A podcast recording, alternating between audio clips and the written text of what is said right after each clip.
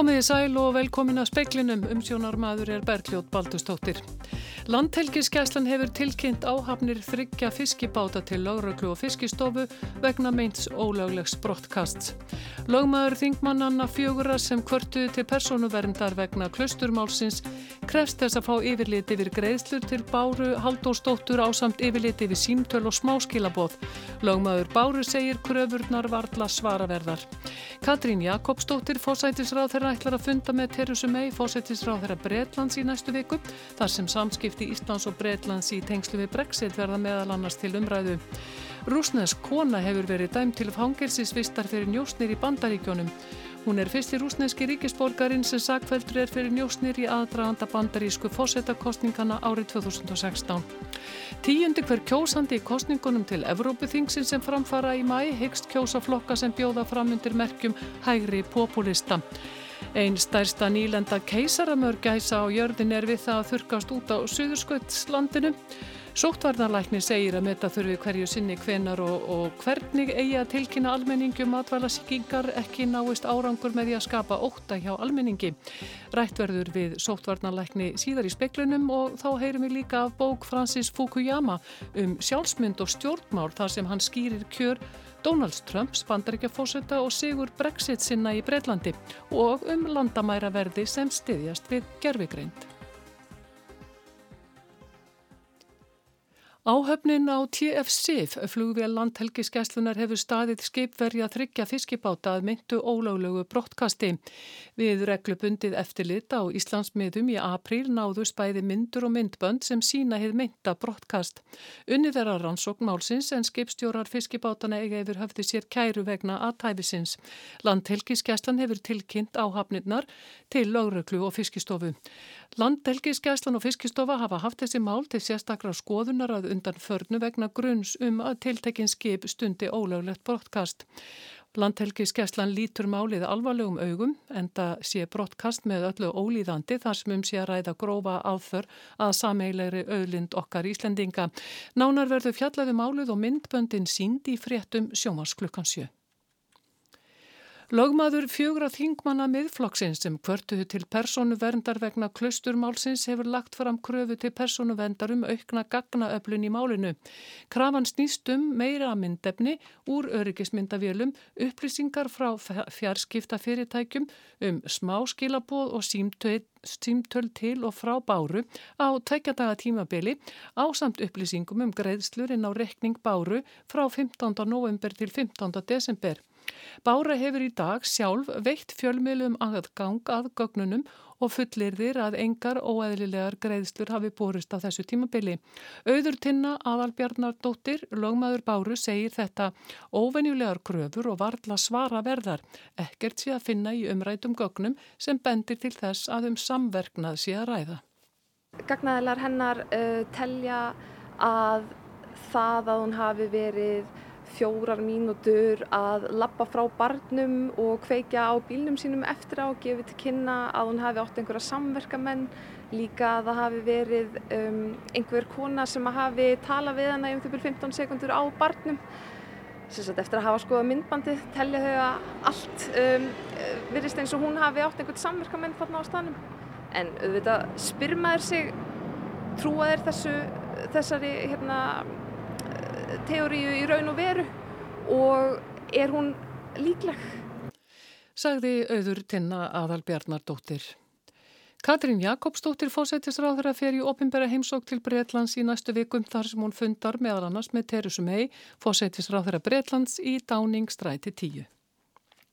Ég er á leiðinni ofinbæra heimsók til Skotlands þar sem ég mun funda með Nikólu Störtsjón, fyrsta ráð þeirra Skotlands og síðan leikur leiðin til Lunduna þar sem ég mun uh, fara í ópera heimsótt til Teresu May, uh, fórstisræðara Breitlands og eiga fundi með fleiri breskum stjórnmálamönnum þannig að það eru þetta mikið að gerast í Breitlandi eins og kunnutt er. Brexit hefur nú verið fastulegur í fréttum uh, undan farin ár þannig að það eru þetta mikið vægt að viðhalda góðum samskiptum okkar við Breitland og þessi heimsóknir auðvitað liður í því. Þannig að þú ætlar að ræða við Teresu May um það, svona, hvernig á að viðhalda áframhaldandi samskiptum ef þeir ganga út. Já og við höfum auðvitað verið að staðfesta núna að undarföllnu samninga um samskipti Íslands og Breitlands uh, undir ímsum kringumstæðum því nú hefur auðvitað verið tölverð óvissað um það hvernig útgangu breyta verið háttað en uh, hinga til hafa auðvitað samskipti Íslands og Breitlands verið mjög góð. Breitland er mjög mikilvægur viðskipta aðili í Íslandinga þannig að það er mikilvægt að þessi samskipti gangi snurðulust fyrir sig hvað svo sem verður með Brexit. Sagði Katrín Jakobsdóttir í viðtali við Jóhann Bjarnar Kolbeinsson. Marina, Marja Bútína hefur verið dæm til átján mánada fangelsisvistari í bandaríkjónum fyrir njósnir fyrir rúsnesk stjórnvöld. Bútína verður rekin úr landi að afplánun lokinni. Dómarinn í málinu sagði við dómsupkvæðningu að litið hafi verið til alvarleika glæpsins við ákverðun refsingarinnar en nýju mánada dvöl Bútínu í fangelsi verður dreyin frá dóminum. Auk þess var í dóminum ætlað að fyrirbyggja slíkar njósnir í framtíðinni. Bútína játaði fyrra að hafa sapnað upplýsingum um NRA, samtök bandarískra bissögenda og lísti sér seka af ákjærum samsari. Njósnirnar stundaði hún að beginni rúsnensk þingmanns en hún var handtekinn í júli. Bútína er fyrsti rúsneski ríkisborgarinn sem sakveldur er fyrir njósnir í aðdraganda fórsetakostningana í bandaríkjunum árið 2016. Þó er ekki talið að Bútína hafi tengst meintum tilrænum stjórnvalda í Rúslandi til að hafa áhrif á kostningarnar. Þorvarður Pálsson sagði frá. Næst stærsta nýlenda keisaramörgæsa á jörðinni er við það að þurkast út á Suðurskautslandinu. Undanfærin þrjú ár hafa nánast allir ungar mörgæsana drepist áður en þeir komist á legg. Breskir vísindamenn sem fylgjast með stopninum segja að breytingar í veðurfari á þessum slóðum og óstöðugt ástand á hafísnum þar séu ástæðan fyrir þessari þróun. 14 til 25.000 pör keisaramörgæsa voru í þessari nýlendu sem nú er nánast horfin. Martbendi til þess að sumar mörgæsir í hópnum hafi flutt sig í aðra nýlendu sem ekki er langt í burtu. Einn af hverjum tíu kjósendum í kostningunum í, til Evrópuþingsin sem framfara í mæ hefur í hyggja kjósaflokka sem bjóða framundi merkjum hægri populista. Þetta kemur fram í nýri rannsókn. Fram kemur í rannsókninni sem þýska hugveitan Bertelsmann stóð fyrir að margir kjósendur telja stærstu flokkana sem hlindir eru Evrópusamstarfi ekki gæta hagsmönda sinna. Því higgjast þeir ljá hægri populistum atkvæði sitt. Tveir þriðju hlutar þeirra sem tóku þátt í rannsókninni ætla að taka þátt í kostningum til Evrópuþingsins 27. mæ.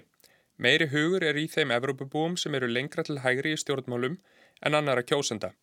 Þjóðverjar eru áhuga samar um kostningarnar en þrýr fjóruðu þeirra ætla að taka þátt. Flestir sem tóku þátt ætla að greiða atkvæða móti þeim flokkum sem þeir eru ansnúnir. Neikvæð greiðsla atkvæða eins og það er orðað í tilkynningu frá Bertelsmann kemur hægri populistum frekar til góðan öðrum flokkum. Slíkt gætt gert þingmönnum erfitt um vik að mynda meiri hluta á Európaþinginu.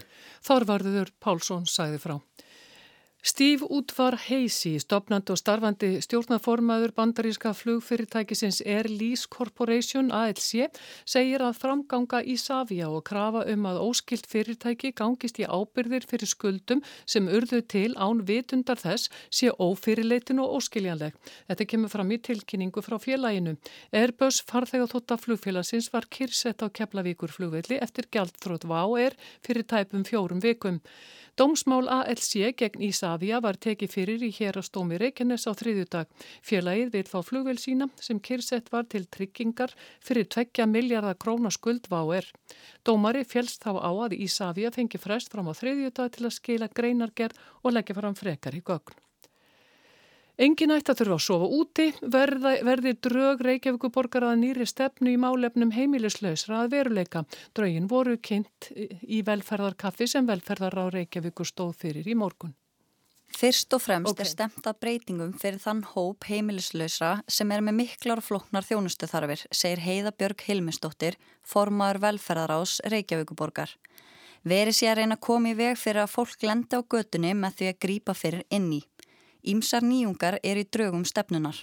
Við erum búin að vera að vinna stefnu núna í nokkra mánuði. Það sem er nýtt í henni er að við erum að fjölka úrraðum, bæði neyðar úrraðum og langtíma búsutu úrraðum. Við erum líka að horfa á samfélagið, fordóma.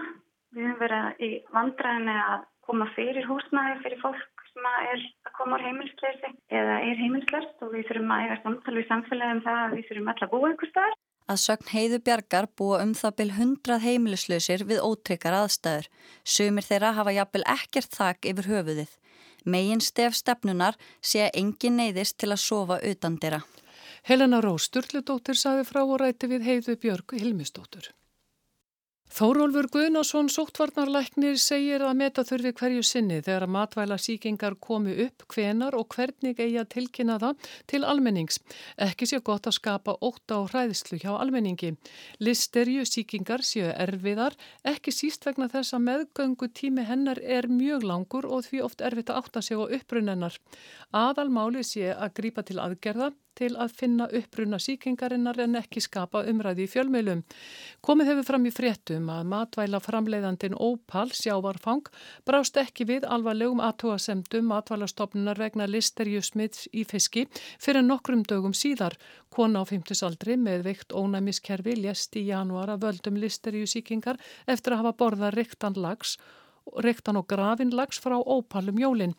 Fyrsta tilkynningum atvikið var sett á vefsíðu matvælastofnunar 7. februar. Þórólfur segir að upplýsingar um listerju bakteríuna hafi verið byrtar á heimasíðu ennbættis landlæknis. Við gerum það síðast í oktober eh, og svo náttúrulega núna. Eh, eh, en þegar að þetta kemur upp og við finnum þetta í matvælum þá, þá er það hlutverk matvælastofnunar að að, að fást við framleiðendur og, og, og setja þeim reglur og, og skilir því. Nú skilst mér að matvælastofnun hafi byrt, byrt 7. februar tilkynningum þetta og þá uh, á sinni vefsíðu uh, og þá er þetta náttúrulega bara spurningum að fólk sjáu þetta en ef að ég fer út í búð 7. februar og ekki er búið að innkalla þá ég, get ég alveg skeift sko vörur frá þessu fyrirtæki. Hefði ekki þurft að tilkynna þetta á einhvern annan hátt eða blása í einhverja meiri lúðra og segja fólki frá þessum hættum? Já, það var gert á, uh, matvælastofnun gerði það aldeilis uh, í februar með endur teknum fréttatilkynningum um og jafnvel tiltók uh, lótunúmer og framleyslunúmer og allt sem var innkallað. Þannig að þetta var byrt allt saman á, á heimasíðu matvælastofnunar eins og eins og þeir eiga að gera og, og það er þá kannski bara stendur upp á fjölmjöla, hafa ekki gripið það og, og, og tilkynnt það betur. Eh, það er ekki í raun að veru okkar eh, sótvartanleiknis að, að vera básuna mikið um einstakleisbundnar síkingar eða niðurstöður nema tilefni sér til og stundum hefur við leið undir ákúrum um að vera að gera of mikið úr hlutum og blása í lúðra of mikið og sjaldan þannig að þessi meðanvegur á stundum eh, hérna, ekki, eh, ekki alveg öðveldur að rata. En, en ég tel að matfælastofnun hafi aldrei gert sitt í þessu tilfelli og, og það er meira að segja til leiðbenningar fyrir þungar konur um, um að, eh, hérna, að neyta ekki hrás matar og svo framvegis.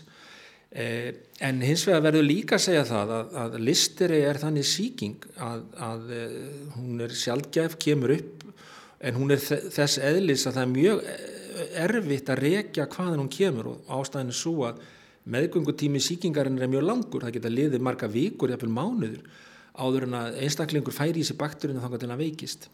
Og þess vegna mjög erfitt að, að, að spyrja fólk sko hvað borðaði þú fyrir tveimur og síðslinu tveimur mánuðum? Og það borðaði eru fisk eða borðaði eru eitthvað rámeti eða súsi eða hvað gerður og þetta mann engin nokkur maður sko. Í þessu tilvöku var þetta tiltöðlega mikil hefni í spilinu að, matvælinn voru ennþá til staðar frosinn sem að þau verið neitt eh, mörgum vikum áður.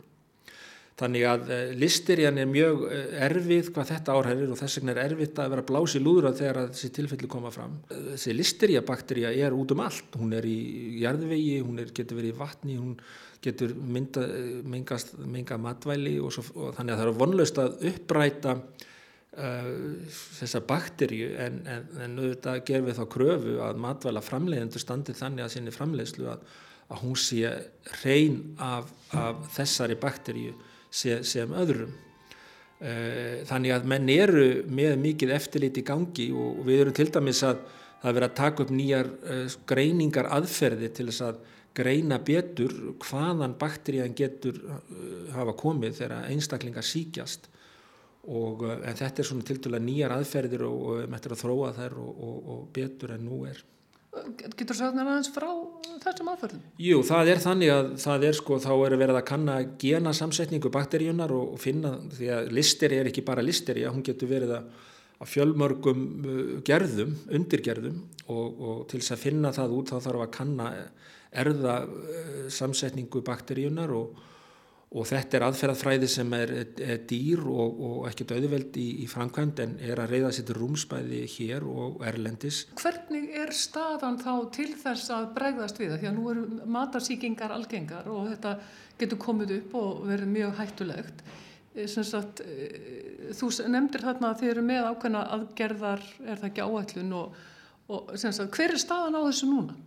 Staðan er, er þannig að, að það er náttúrulega ákveði eftirlit með, eins og ég sagði áðan, með þessum fyrirtækjum og, og, og, og það er það matvalastofnun sem grýpur til aðgerða ef eitthvað sérstatt finnst alvarlegt í, í matvalaframleyslunni.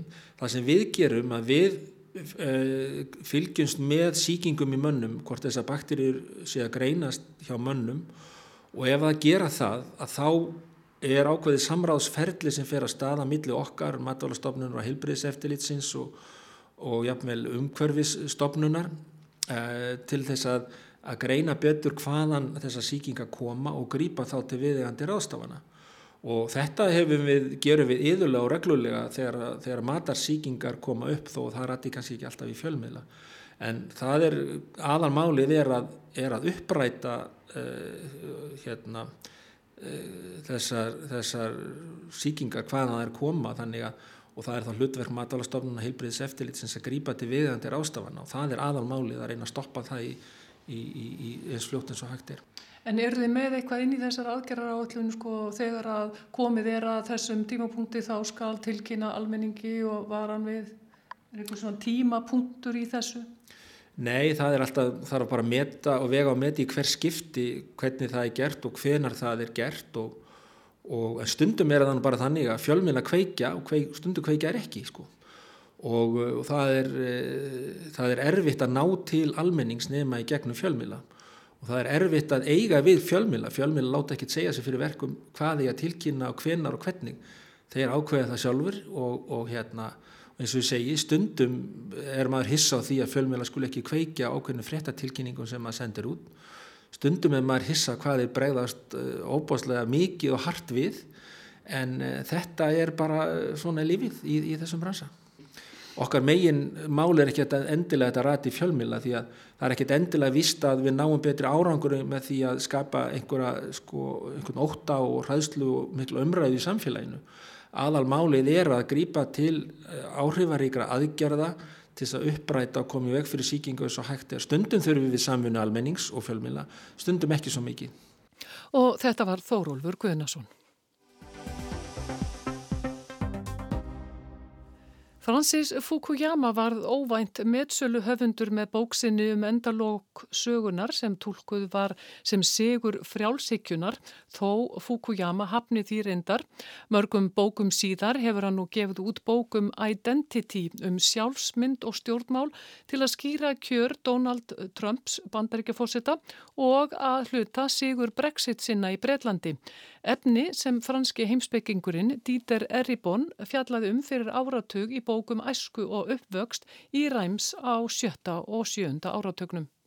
Árið 2016 urðu pólitískir jærskjáltar bæði austanhafs og vestan. Fyrst þjóðratkvæða Greislan í Breitlandi, meiri hluti kjósenda valdi að ganga úr Evrópusambandinu, svo kjör Donald Trumps sem fórsetta bandaríkjana. Hvort vekja þótti stangast á við það sem búast mætti við Þróaðar þjóðir taka sjálfna stökk út í algjöru óvissu. Stjórnmálamenn með kvennafarsögur og aðrar óreiðusögur í farteskinu hafði ekki heitla kjósandur. Svo já, Brexit og Trump virtust ný saga. Félagsvísindamadurinn Francis Fukuyama glýmir gerðnan við áleitnar samtímaspurningar. Í nýjustu bóksinni tekur hann fyrir tíðrætt fyrirbæri í kjálfar 2016, Identity Politics eða sjálfsmyndar stjórnmál og leitina að viðurkenningu. Fukuyama bendir á að líkt og fleiri stjórnmálamenn sem hafa notið óvæns fylgis undan farin ár megi telja Trump þjóðarni sinnaðan populista. Þeir leytist við að sínast sterkir leðtogar sem leiki einleik og allt snúist um þá. Þeir eru ansnúnir öllu sem takmarkar völdeira og lenda því yðurlega upp á kant við þing, domstóla, eftirlstofnanir og sjálfstæða fjölmiðla. En hvað eru þá sjálfsmyndar stjórnmál? Fukuyama rekur með áhugaverðum hætti hvernig hugtakið virðing og síðan sjálfsmynd hafa þróast allt frá hugsuðum fyrri alda eins og Martini Luther. Kjarnin í jafnbrettisbaróttu af ímsutægi snýst meðal annars um að öðlast virðingu. Öðlast virðingu fyrir hver maður er, ekki fyrir til dæmis hvað maður hefur gert virðingu sem styrkir þá og mótar sjálfsmyndina. Fyrir rúmri öld leituðu konur staðfestingar á virðingu þjóðfélagsins, heimtuðu kostningarétt. Kynþáttahópar, til dæmis í bandaríkjónum og víðar, hafa þurft að berjast fyrir virðingu og réttindum, einnig samkynneigðir. Með öðrum orðum, allir sem tilheyra réttindalitlum eða jaðarsettum hópum. En þetta hefur haft afleðingar.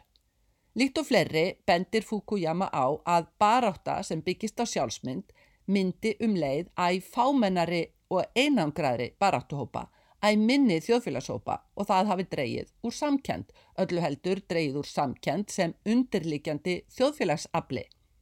Þar sem bandaríski demokrataflokkurinn og vinstriflokkar víða í Evrópu hafi til dæmis verið uppteknir af réttindabaráttu að minni þjóðfélagshópa hafi þeir um leið mist eða eigi á hættu að missa víðari skýrskotun. Sem dæmi er að efnaminni hvítirkarlar í bandaríkjónum telji að aðrir hópar, hvort sem er konur, innflýtjendur eða blökkumenn, fá mikla aðtikli demokrata á kostna þeirra sjálfra. Gjarnantalinn stór þáttur í Sigri Trumps, hann talaði til þessa hóps sem taldi sig hortreku stjórnmálana. Fukuyama undistrykar að það séu sjálfi sér ekkert rámt við sjálfsmyndarstjórnmál. Þið skadlega sé þegar svo umræða einangri þjóðfélagshópa þegar hópar verði þá auðvöld bráð populista sem ali á og næri reyði og óanæju sér í hag en leys ekki vandan. Sem dæmi þá tali Trump til efnaminni hvítra karla en efnahagstefna hans gangi að hluta gegn hagsmunum þeirra. Það er reyndar fleira en sjálfsmyndarstjórnmál sem hafa gefið þjóðfélagshópum tilfinningu af að vera sviftur öllu vægi Fukuyama nefnir sterk áhrif hagsmunuhópa í bandaríkjónum. Eitt þátturinn sem Fukuyama nefnir reyndar ekki er viðleikni auðmana til að kaupa sér áhrif bak við tjöldin. Efni sem bandaríska bladakonan Jane Meyer rekur í bókinni Dark Money. Sagan að því hvernig sérhagsmunir kaupa sér forgang fram yfir almanahagsmunni. Árið 2009 kom út fransk bók eftir Didier Eribon, franskan heimsbyggjiprofessor um uppvakstar ár hans í verkamannafjölskyldu í Rems á 7. og 7. áratögnum. Allir í kringum hann kusu kommunista. En jafnaðastefna 10. áratöksins, yðurlega kend við Tony Blair, leðtoga breska verkamannaflokksins, miðaði á jafnrétti með því að þurka út hugtækið verkamannastjett. Allir átt að vera jafnir, sem frakkar í Fraklandi, brettar í Breitlandi og svo framvegis. Þar með var borgarastjettin ekki lengur höfuð óvinnurinn heldur útlendir verkamenn sem voru að flytja inn í áður alfrönsk verkamannakverfi og þar brutust á fram kynþáttafordómar sem lengi hafðu madlað undir yfirborðinu. Vinir og vandamenn er í bóng hættu að kjósa til vinstri en völdu nú hægri jæðarflokka og óhefta kynþáttafordóma og aðra fordóma þar. En einn byrtingarmynd sjálfsmyndarstjórnmála að hluta saga populískrar þjóðarnistefnu og hrakfara jafnarmannaflokka víða um heim á þessari öld. Fukuyama fjallar á fræðilegan hátt um pólitíska ströyma á tímum sjálfsmyndar stjórnmála, er í bóng segið frá því á hrífandi hátt hvernig var að lifa þessa ströyma. Sigrun Davísdóttir sagði frá.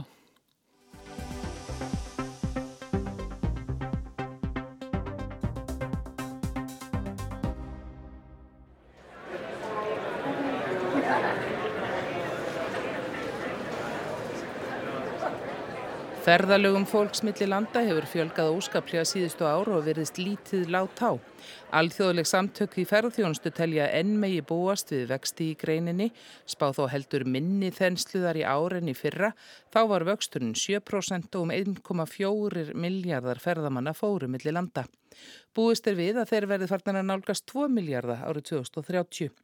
Þessi mikla fjölgun hefur leitt af sér lengri raðir í öryggisleit og landamæra eftirliti til dæmis á fljóvöllum og hluti af þeirri ömun sem fylgir ferðalögum er jú svo langa byggð.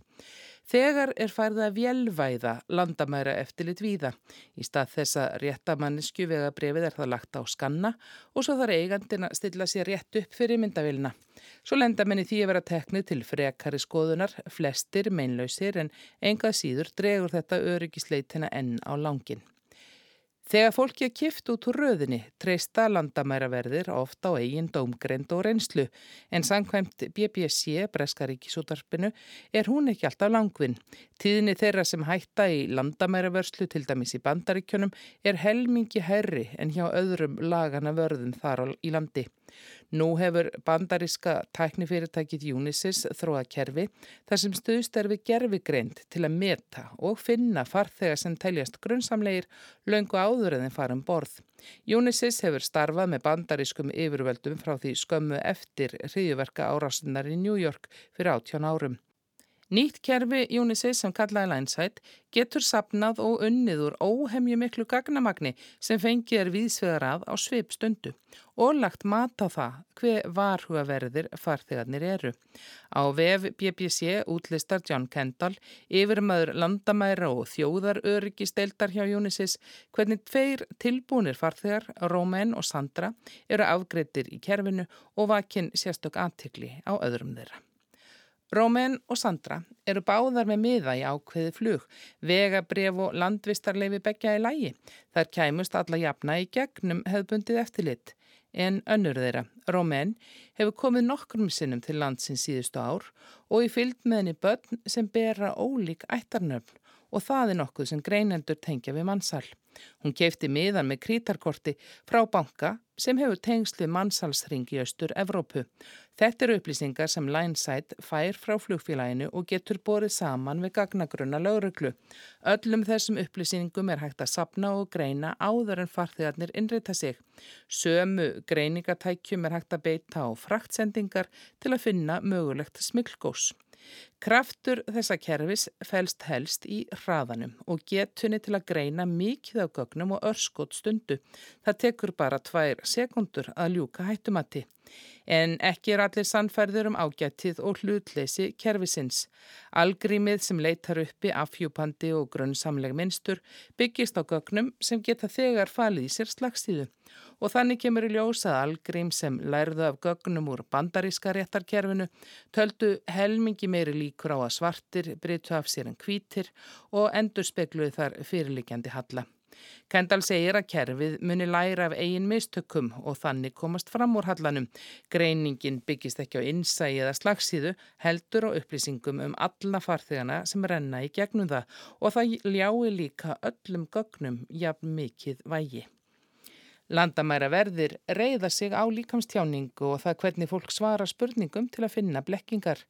En rannsóknir sína að manneskjur er ekki naskar en svo að í næri helmingi tilvika koma þær ekki auðaða þegar fólk lígur.